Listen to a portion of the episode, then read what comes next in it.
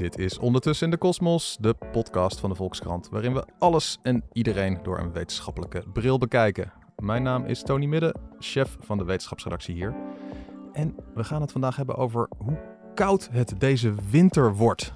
Dat was ooit een vraag die vooral schaatsliefhebbers interessant vonden. Bij mij in de schaatsapp uh, staat alweer aan.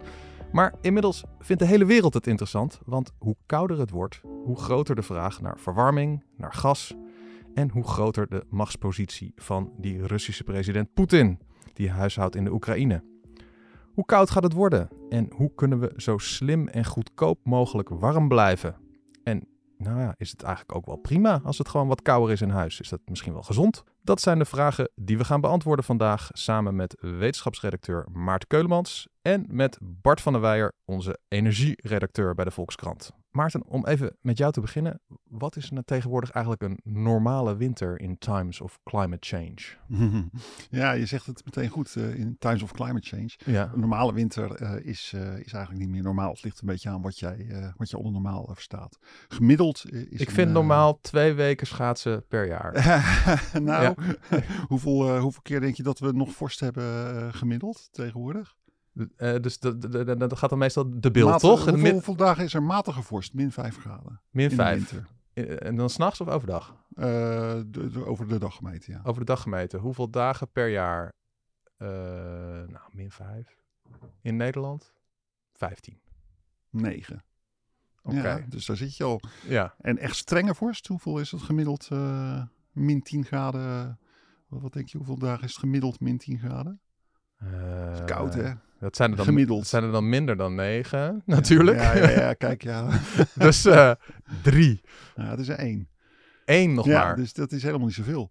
Het is, het is gemiddeld is het in een winter, nou dan hebben we het over december, januari en februari, is het uh, 3,9 graden. Ja. en dan heb je dus over dag en nacht gewoon echt de gemiddelde temperatuur over die drie maanden in ons land. Mm -hmm. En het aardige is, dat is inderdaad warmer aan het worden. Als je het sinds 2000 bekijkt, dan is het uh, inmiddels 4,2 graden. Als je het sinds 2010 bekijkt, dan is het gemiddeld 4,9 graden. En dat is natuurlijk inderdaad allemaal omdat, ja, daar, je ziet allemaal daaraan dat, dat de aarde gewoon heel snel opwarmt. Ja. En Nederland nog wat sneller dan, uh, dan de rest van de aarde, omdat we op het land liggen, omdat we noordelijker op de aardbol liggen en omdat we natuurlijk ook heel in hoog tempo verstedelijken. Dat speelt ook uh, mee. Oh ja. Dus je ziet gewoon dat de winters opwarmen. En ja, toch helaas, dat, dat schaatsen, dat, uh, dat wordt hem steeds minder. Ik zie Bart ook verschrikkelijk teleurgesteld uh, kijken. Ja. ben jij schaatser, Bart? Nou, vroeger, ik kom uit Twente, daar is het altijd iets kouder in de winter. Maar ik herinner me dat ik gewoon elke winter één keer kon schaatsen. Ja. En mijn zoons, we wonen nu in Amsterdam, daar is het iets warmer in de winter. Die hebben twee keer op het ijs gestaan bij, bij ons achter het huis. Nou, dat is het. Ja, bij mij ook zoiets. En ze ja. zijn uh, 14 en 17, hè? dus het, het, het, is gewoon echt zeldzaam aan het worden. Dat merk je het aan, hè? Ja, ja. zeker. Ja, ja. Dat maakt natuurlijk ook heel erg uit dat wij in de Randstad wonen, waar gewoon het heel ja, moeilijker is om het, uh, uh, om het echt onder nul te krijgen. Ja. Ja. Maar het is, het is maar, wel gewoon... Nou las ik, ik, ik lees af en toe de Telegraaf, en daar las ik het goede nieuws. Hele bibberkoude winteropkomst. Ja, ja. Halleluja. Ja, dat was vorige week overal in het nieuws ineens. Ja. Koude winteropkomst. Dat is dan zo'n zo middellange termijn voorspelling. Uh, nou ja, dat, ik kreeg natuurlijk ook meteen de vraag van, van mijn, mijn chef uh, Tony Mudde bijvoorbeeld. Van, uh, wil je daar niet eens een stuk over schrijven? Want Ja. iedereen wil dit graag weten. En dat is ook precies het punt. Iedereen wil het heel graag horen. Hè, van het wordt weer een, echt een ouderwetse koude winter. En als je dan gaat, gaat inzoomen op die voorspellingen. Nou, dan blijkt het toch wel wat anders te zitten. Uh, want uh, ja, weet je, het is gewoon heel erg ingewikkeld om uh, op de lange termijn het weer te voorspellen. het is zo van, ja, weet je, het weer kan je een dag of tien vooruit voorspellen. Dat Mhm. kun met van die supercomputers kun je doorrekenen hoe de luchtstromingen gaan, gaan lopen. Maar voorbij die tien dagen wordt het gewoon het aantal mogelijkheden stapelt zich zo ontzettend snel op. En dat vermenigvuldigt zich tot enorme aantallen. Ja. Dat die computers kunnen dat met geen mogelijkheid meer aan. Ja, ja, ja. En dan ben je dus aangewezen op heel andere manieren van het, uh, van het uh, weer uh, afleiden. Mm -hmm. En ja, goed, dat, dat gaat op een aantal manieren. Een van de belangrijke manieren is dat ze kijken naar wat gebeurt er met de zeestroming. De El Nino vooral. Mhm. De El Nino, dat is een zeestroming die ligt helemaal in de, de zuidelijke, in de Pacific, in de, de Stille Zuidzee. Uh, voor de kust van, van Chili eigenlijk. En vanaf, vanaf Chili stroomt er een, een warme lucht richting, uh, of sorry, een warme uh, zeestroming richting uh, Australië. Ja. Dus, dus de, die, de, wordt echt, de warme zee wordt richting Australië geduwd. en dat is de La Niña, zoals dat, zoals dat heet. Ja. Daardoor ontstaat bij Australië warme lucht, meer regenval, vochtig wordt het daar. En bij Chili zelf is het heel koud en, en daar, is het gewoon, daar is het gewoon minder, nou ja, heel koud voor Chileense begrip hoor, moet ik erbij zeggen. En een stuk droger, minder En die wipwap van, van weerpatronen, dat, ja, weet je, dat is net zo'n beetje als, als een waterbed waar je op drukt. Uh, als, je, als je op de ene plek drukt, dan kan op de andere plek op de aarde iets, iets gebeuren. En dat is eigenlijk een beetje wat je ziet. Je ziet en die is ook bepalend voor hoe koud het in deze regio ja, dat gaat bepaalt, worden. dat bepaalt heel erg wat er gebeurt, in, vooral in Noord-Amerika. In Noord-Amerika kun je nu verwachten dat ze een winter krijgen met in het noorden van Amerika echt sneeuwstormen en, en bittere kou en blizzards en dat soort uh, werk. En dat is wel vrij zeker dat dat, dat ook zeker. gaat gebeuren? Ja, dat is vrij zeker. Okay. Dat komt allemaal door, door inderdaad die, die, die La Nina, die zorgt er gewoon voor dat er heel verderop ja, hoge drukgebieden ontstaan, lage drukgebieden ontstaan. De straalstroom anders gaat lopen. Dus echt die grote weerpatronen, die Ja. veranderen een beetje. En dat is voor onze regio is het een stuk minder zeker? Of? Ja, want dat Ja. is een beetje de pest. Nou, de Atlantische Oceaan, daar kunnen ze ook nog met aardige zekerheid wat, wat over zeggen. Maar uitgerekend Europa ligt op een plek waar je echt ontzettend weinig over kan zeggen. Ik heb dus gekeken naar, eh, nou ja, met, met eh, Peter Ziegmoed van het eh, KNMI, is een klimaatwetenschapper, die heeft mij aan de hand genomen en mij allemaal grafiekjes laten zien. En het zijn leuk, je ziet in die grafiekjes ook van nou ja, allerlei plekken op de wereld waar je nog redelijk kunt voorspellen wat voor winter wordt het. En dan zie je Europa, dat is gewoon één groot gat. Dat is echt het gat waarvan ze het niet kunnen zeggen met significant zekerheid van, van wat voor, eh, wat voor Een soort meteorologische rad van fortuin eh, Ja, zijn wij. Precies, ja. precies. Als je het gewoon over de afgelopen 30 jaar bekijkt, dan blijkt gewoon dat, dat er gewoon eh, totaal geen voorspellende waarde uitgaat van die, van die La Nina en die El Nino op, op wat er hier bij ons gebeurt. Dus dat is best een beetje vervelend. En nou ja, wat nu eigenlijk een beetje het idee is, is dat er nou met een, een- het is redelijk aannemelijk dat je de komende decembermaand Mhm. een beetje een koude december kunt, kunt krijgen. Omdat er dan een, een, hoge drukgebied eh, zou komen te liggen ergens bij Europa. En dat hoge drukgebied dat zorgt er dan voor dat er meer ja, noordelijke lucht eh, gaat stromen naar Europa. En meer noordelijke lucht, lucht betekent gewoon meer kou. koudere lucht. Maar, of dat dan maar verder dan betekent- dat, januari, februari. Nee, eh, nee, echt totaal niet. En zelfs die voorspelling is met nou ja, 60% zekerheid. Dus dat wil zeggen, ja, dat klinkt wel heel veel. Maar dat betekent gewoon 10% meer dan het toeval. 10% meer dan dat je een, eh een Ja. eh, dobbelsteen gooit. Want dan is het 50-50, zeg maar. ja, ja. Volgens mij klopt dat ook wel. Want ik heb het idee dat de Telegraaf elk najaar een horrorwinter aankondigt. En die hebben echt al, nou ja, heel lang niet meer meegemaakt. Ja, toch? ja Dus het, eh, precies. nou ja, je kunt het de Telegraaf niet helemaal verwijten, moet ik zeggen. Want er zijn ook veel meer sites eh, die dit Zeker. doen. En ja, weet je, we willen het allemaal graag horen. En, eh, ja, dat verbaast me dat jullie het zo graag willen horen. Want het is natuurlijk een ramp als er een horrorwinter komt. Want, Ja. jullie kijken als schaatsliefhebbers. Eh, volgens mij eh, eh, leidt het alleen maar tot enorme problemen. Dus ik zit juist te hopen dat het een hele zachte wordt. kwakkelwinter wordt. Zo'n Maar grijze, regenachtige, zijige, muffige rotwinter Ja. moet het worden. Maar dat is dus het aardige dat in, in Frankrijk onder meer en in andere landen, in Duitsland zag ik dat ook, daar waren de nieuwskoppen juist op basis van precies dezezelfde prognose, we krijgen een hele zachte winter.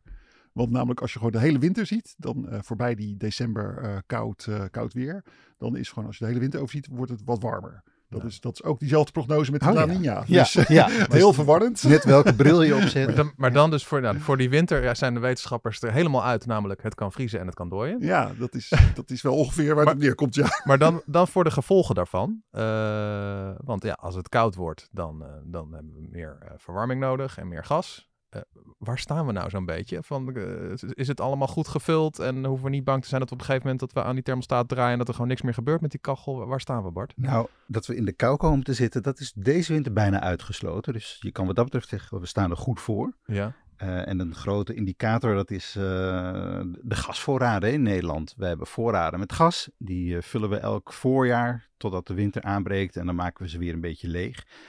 Die zijn eigenlijk bedoeld om pieken in de vraag op te vangen. Dus eh, in de winter wordt er gewoon meer gas verbruikt dan in de zomer. In de zomer is het normaal gesproken ook goedkoper. Dus dan vul je die gasvoorraden. Ehm, en de grote angst dit jaar was dat we ze niet genoeg gevuld zouden krijgen.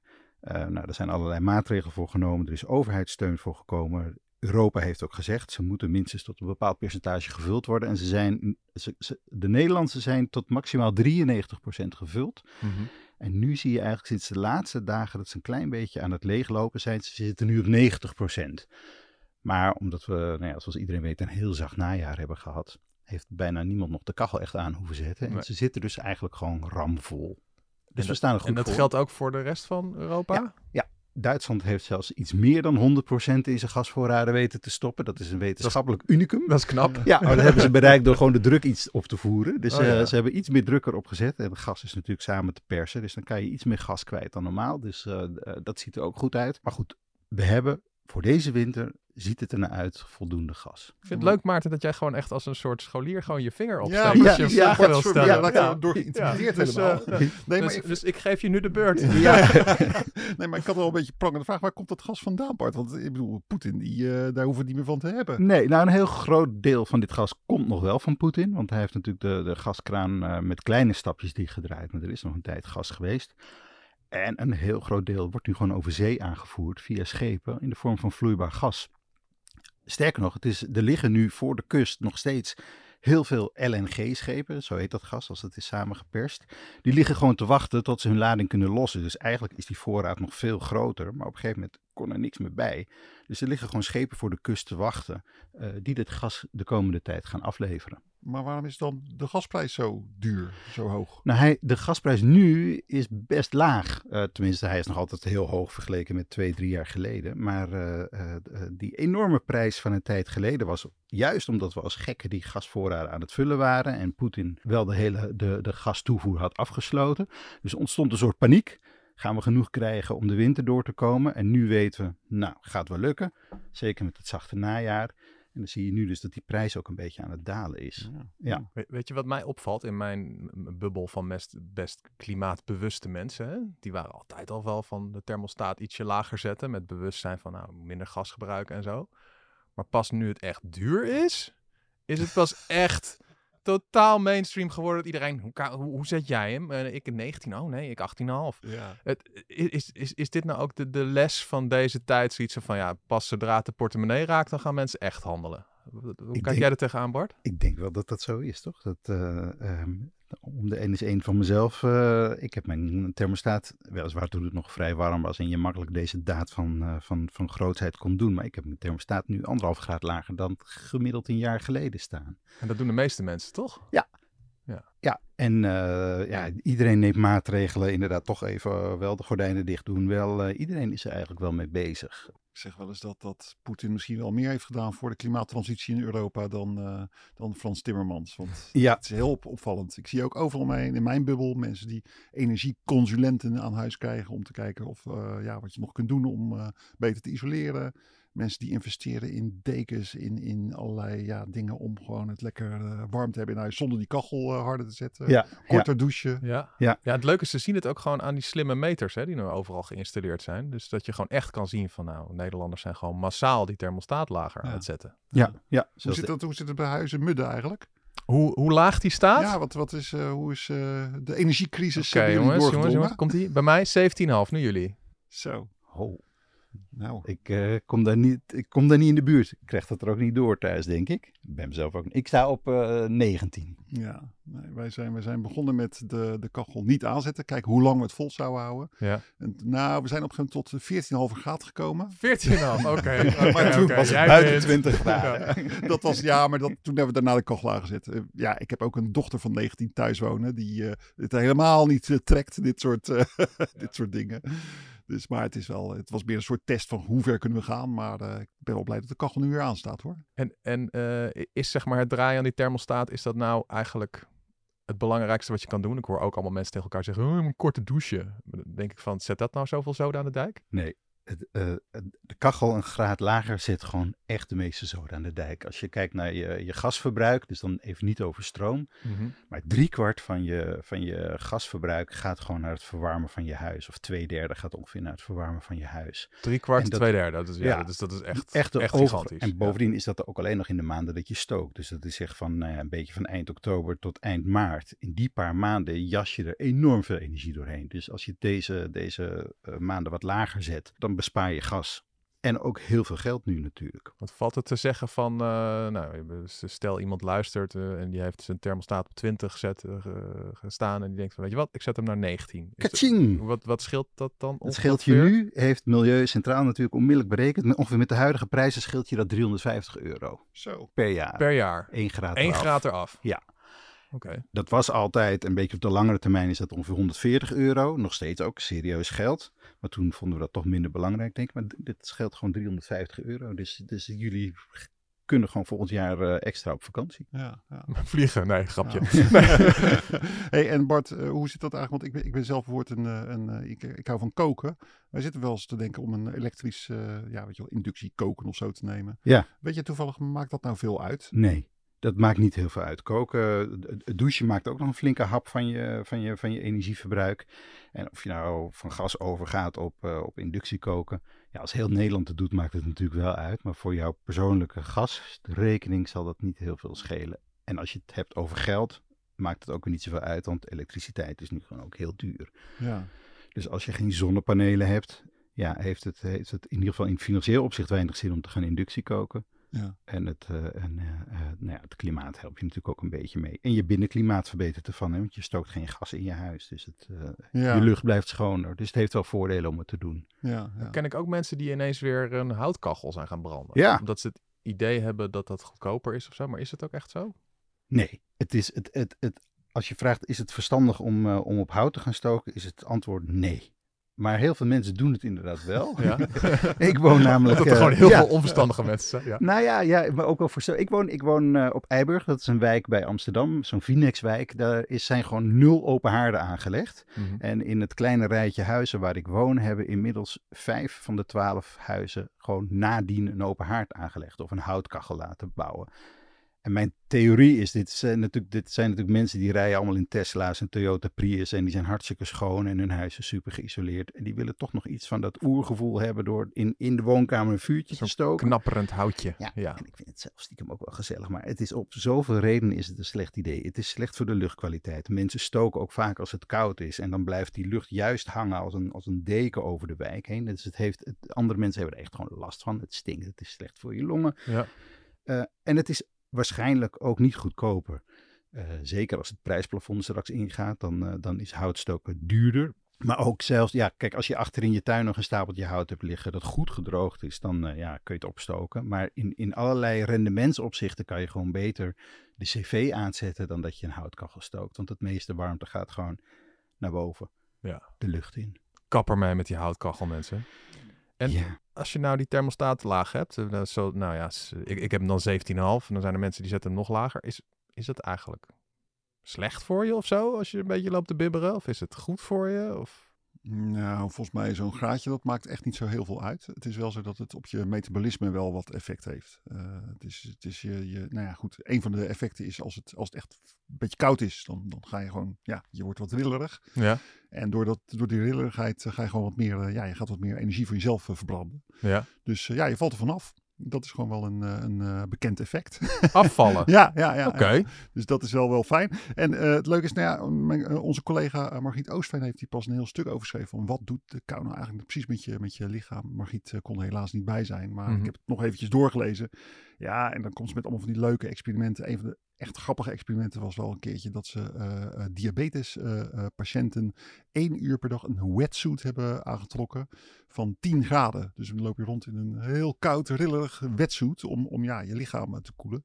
Uurtje per dag. Klinkt heel sadistisch. Klinkt heel en ook, sadistisch. ook nog diabetespatiënten. Ja, precies. Ja. Ook nog. Heb je diabetes, diabetes moet je nog zo'n wetsuit aan. Maar Ja. het bleek wel gewoon wel degelijk te helpen. Hun insuline werd, werd er beter door. Dus hun, Mhm. hun suikerziekte werd minder erg door. En uh, ja, het, uh, allerlei metabole effecten zie je dan. Dus dat, het gewoon, ja, dat je lichaam gewoon wat beter uh, in staat is om weer zijn oude metabolisme te hervinden. Dus dat heeft wel degelijk dan een, een, een significante werking. Maar ja, goed, dat is natuurlijk één, één uur per dag in 10 graden wetsuit lopen. Hè. Dat is... ja, dit, je, waarschijnlijk als je één koekje minder eet, heb je hetzelfde effect. Ja, ja, maar dat zijn wel allemaal van, van dit, soort, dit soort dingen zijn altijd natuurlijk wel gewoon het... Uh, dat zijn allemaal wel aanwijzingjes waardoor, waaruit gewoon blijkt van ja... Een beetje in, in wat koelere temperatuur zitten is gewoon helemaal niet zo slecht voor je. Ja, Dus, eh, dus het is eigenlijk ook niet dat mensen dus zeggen van ja, maar het is toch ongezond als je daar een beetje koud op de bank Nee. hebt thuis en zo. Dat is, gewoon, niet, dat is gewoon niet waar. Nee, nee, zeker niet. Je valt er misschien zelfs wel vanaf. Ik ga dit wel aan mijn puberzonen vertellen. Ik zeg gewoon, je krijgt een enorm sixpack als je, als je de kachel een graadje lager zet. Precies. ja, Dan moet je zien hoe eh, snel Ja, die eh, hem thermostaat naar 13. beneden gaat. Precies. Doen ze de vriezer open, denk ik. Ja. Eh, Ja, wat, wat trouwens ook wel opvallend is, van, dat- ik weet niet hoe dat ook bij jullie thuis zit, maar eh, het was leuk. Wij hebben ook zo'n energiecoach over de vloer gehad. En die wees erop dat het eh, best wel heel zinnig is om, eh, om gewoon, ja, weet je wel, te investeren in kopen eens een vliesdekentje voor s'avonds. Of eh, doe eens gewoon wat vaker een trui aan, doe eens een vest aan.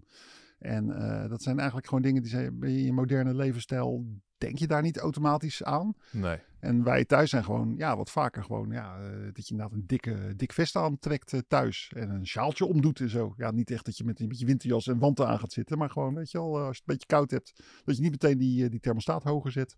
Maar gewoon andere maatregelen neemt. En dat is wel, eh, ja, bevalt ons erg goed, moet ik zeggen. er is trouwens nog een reden om de thermostaat lager te zetten. Dat is de, niet de komende winter, maar de winter daarop. Want hoe minder we nu verbruiken, hoe voller de voorraden in het voorjaar zijn. Mhm. En hoe minder we ze dus hoeven te vullen om de komende winter, die van 2023, door te komen. Eh, dat wordt natuurlijk wel spannend, want we hebben nu geen gas meer uit Rusland. Dus als je toch nog, ook nog iets wil doen voor, voor de komende winter, dat je er niet heel erg in de kou hoeft te zitten. Nu een graadje eraf, zit je volgende winter wat warmer. Gewoon omlaag. En wat, wat jij zei over dat dekentje, want we hebben ook voor, voor- voor de krant eh, eventjes eh, gekeken van hoe zit dat nou met eh, thermo-ondergoed. Want dan, ja, ik, ik, ik vind dat heel erg eh, opa klinken, weet je Ja. wel? Dat je, dat je dan zo van dat lange ondergoed aandoet. Maar dan heb je, dat het heet dan de CLO-waarde. Dan, dat, dat, is- dat staat dan zeg maar voor de materiaal en hoe dik het is en hoe ver het afdikt. En dan kan je dan precies mee uitrekenen hoeveel eh, lager de temperatuur kan als je bepaalde kleding aandoet Ja. hebben ze ooit getest met allemaal soldaten met verschillende soorten kleding aan, verschillende temperaturen.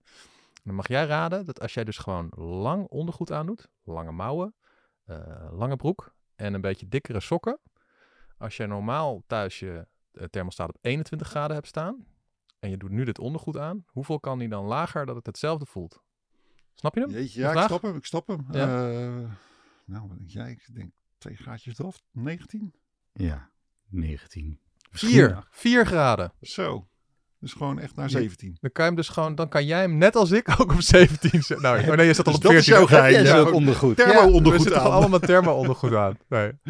Maar ja, ik, ik dacht wel toen ik dat las, dacht ik zo van, ja, waarom ook niet, weet je wel? Ja. Ja, Als, de- want de, de, de- nou ja, dan zijn ze net al 1 graad scheelt dus al 350 euro op je gasrekening. Ja. Nou, 4 graden, ja, ik weet niet of, die, of dat lineair gaat of op een gegeven moment zal het een beetje afvlakken. ja, ja.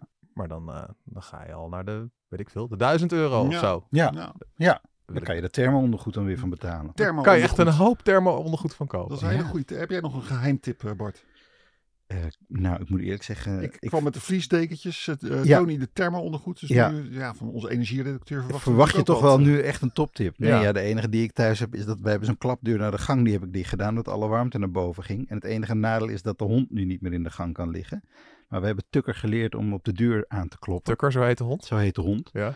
Eh, dus die Aankloppen. kan dat nu. Dus die klopt nu op de deur als hij erin of eruit wil. Dus nou, hij doet ook zijn bijdrage. Maar, eh, dat zal Tuk- niet voor iedereen eh, de gouden tip zijn. Maar doet. Tukker de deur ook weer dicht dan? Ja, het is zo'n klapdeur, dus het valt. Oh, Hij ja. kan hem zelf niet open doen, maar wij doen hem dan open. En dan komt hij naar binnen of hij gaat naar buiten. Nou, Maar- toch, toch is dit ook een hele goeie. Want gewoon, ja, weet je wel, deuren dicht doen. Dat, dat is natuurlijk ook eentje. Wij, dat merk ik ook. Wij wonen in een oud, tochtig huis. En eh, als ik in nieuwbouw kom, valt het me altijd op van eh, nieuwbouwhuizen, nieuwbouwwoningen zijn. Ja, de hal is verwarmd, de wc is verwarmd, alles is verwarmd. Ja. En ja, wij zijn echt best wel gewend dat alleen onze huiskamer eh, verwarmd is. Ja, en de slaapkamer van mijn dochter, omdat ze daar, dat is haar huiskamer eigenlijk. Ja.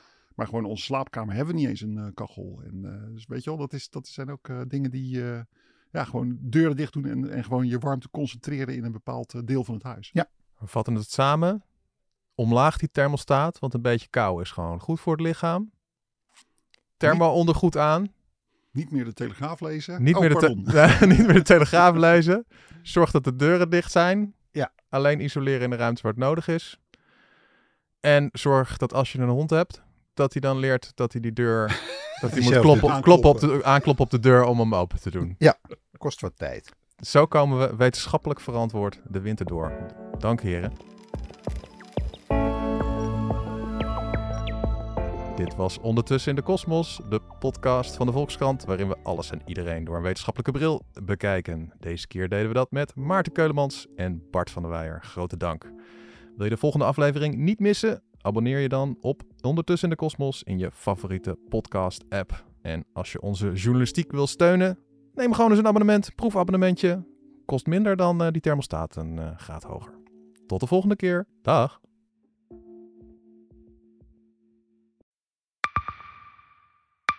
Zijn leven is overhoop gegooid. Plus dat heel veel mensen hem niet geloven. Vrienden niet, die, die denken, ja, hij is gewoon gek geworden. Hoe naar moet dat zijn? Als je vertelt over de meest indringende ervaringen uit jouw leven en niemand gelooft dat je het echt hebt meegemaakt. Ja, ik vind zelf niet dat ik het verzonnen heb, maar sommige mensen denken dat wel. Maar hoe kom je erachter of jij het doelwit bent van een geheime dienst? Ik heb ook wel eens meegemaakt dat je het idee hebt dat inlichtingendiensten in je geïnteresseerd zijn. En dan kun je wel heel veel zien, wat er misschien helemaal niet is. Als ik s'avonds nog iets ging eten, dan volgden die mensen mij naar het restaurant. En dan terug van het restaurant naar het hotel. Als zij op een gegeven moment zei, kijk maar uit, want anders word je dadelijk nog ontvoerd ook. Shit, ik moet hier weg. Dat is, is niet goed. Nu word ik gevolgd. Een soort Truman Show is het gewoon. Hè? Alsof dat hele straatbeeld voor jou is ingericht. Maar dan wel met bedoeling jou niet door te laten. Dit kan geen toeval zijn. Een nieuwe podcast van de Volkskrant. Mijn naam is Simone Eleveld en samen met Huid Modderkolk ontrafel ik een bizarre operatie van de geheime dienst.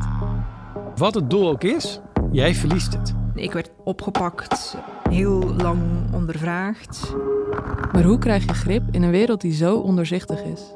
Als je zou liegen, dan zou je niet de meest relevante informatie twee jaar later tussen neus en lippen doorvertellen. Er zal nooit iemand zeggen: Oké, Bart, ik geloof je. Nooit, nooit. Dit kan geen toeval zijn. Vanaf 3 oktober bij de Volkskrant. Ik weet niet of ik je ook alles kan vertellen. Het is echt te bizar. Wat? Um, ja.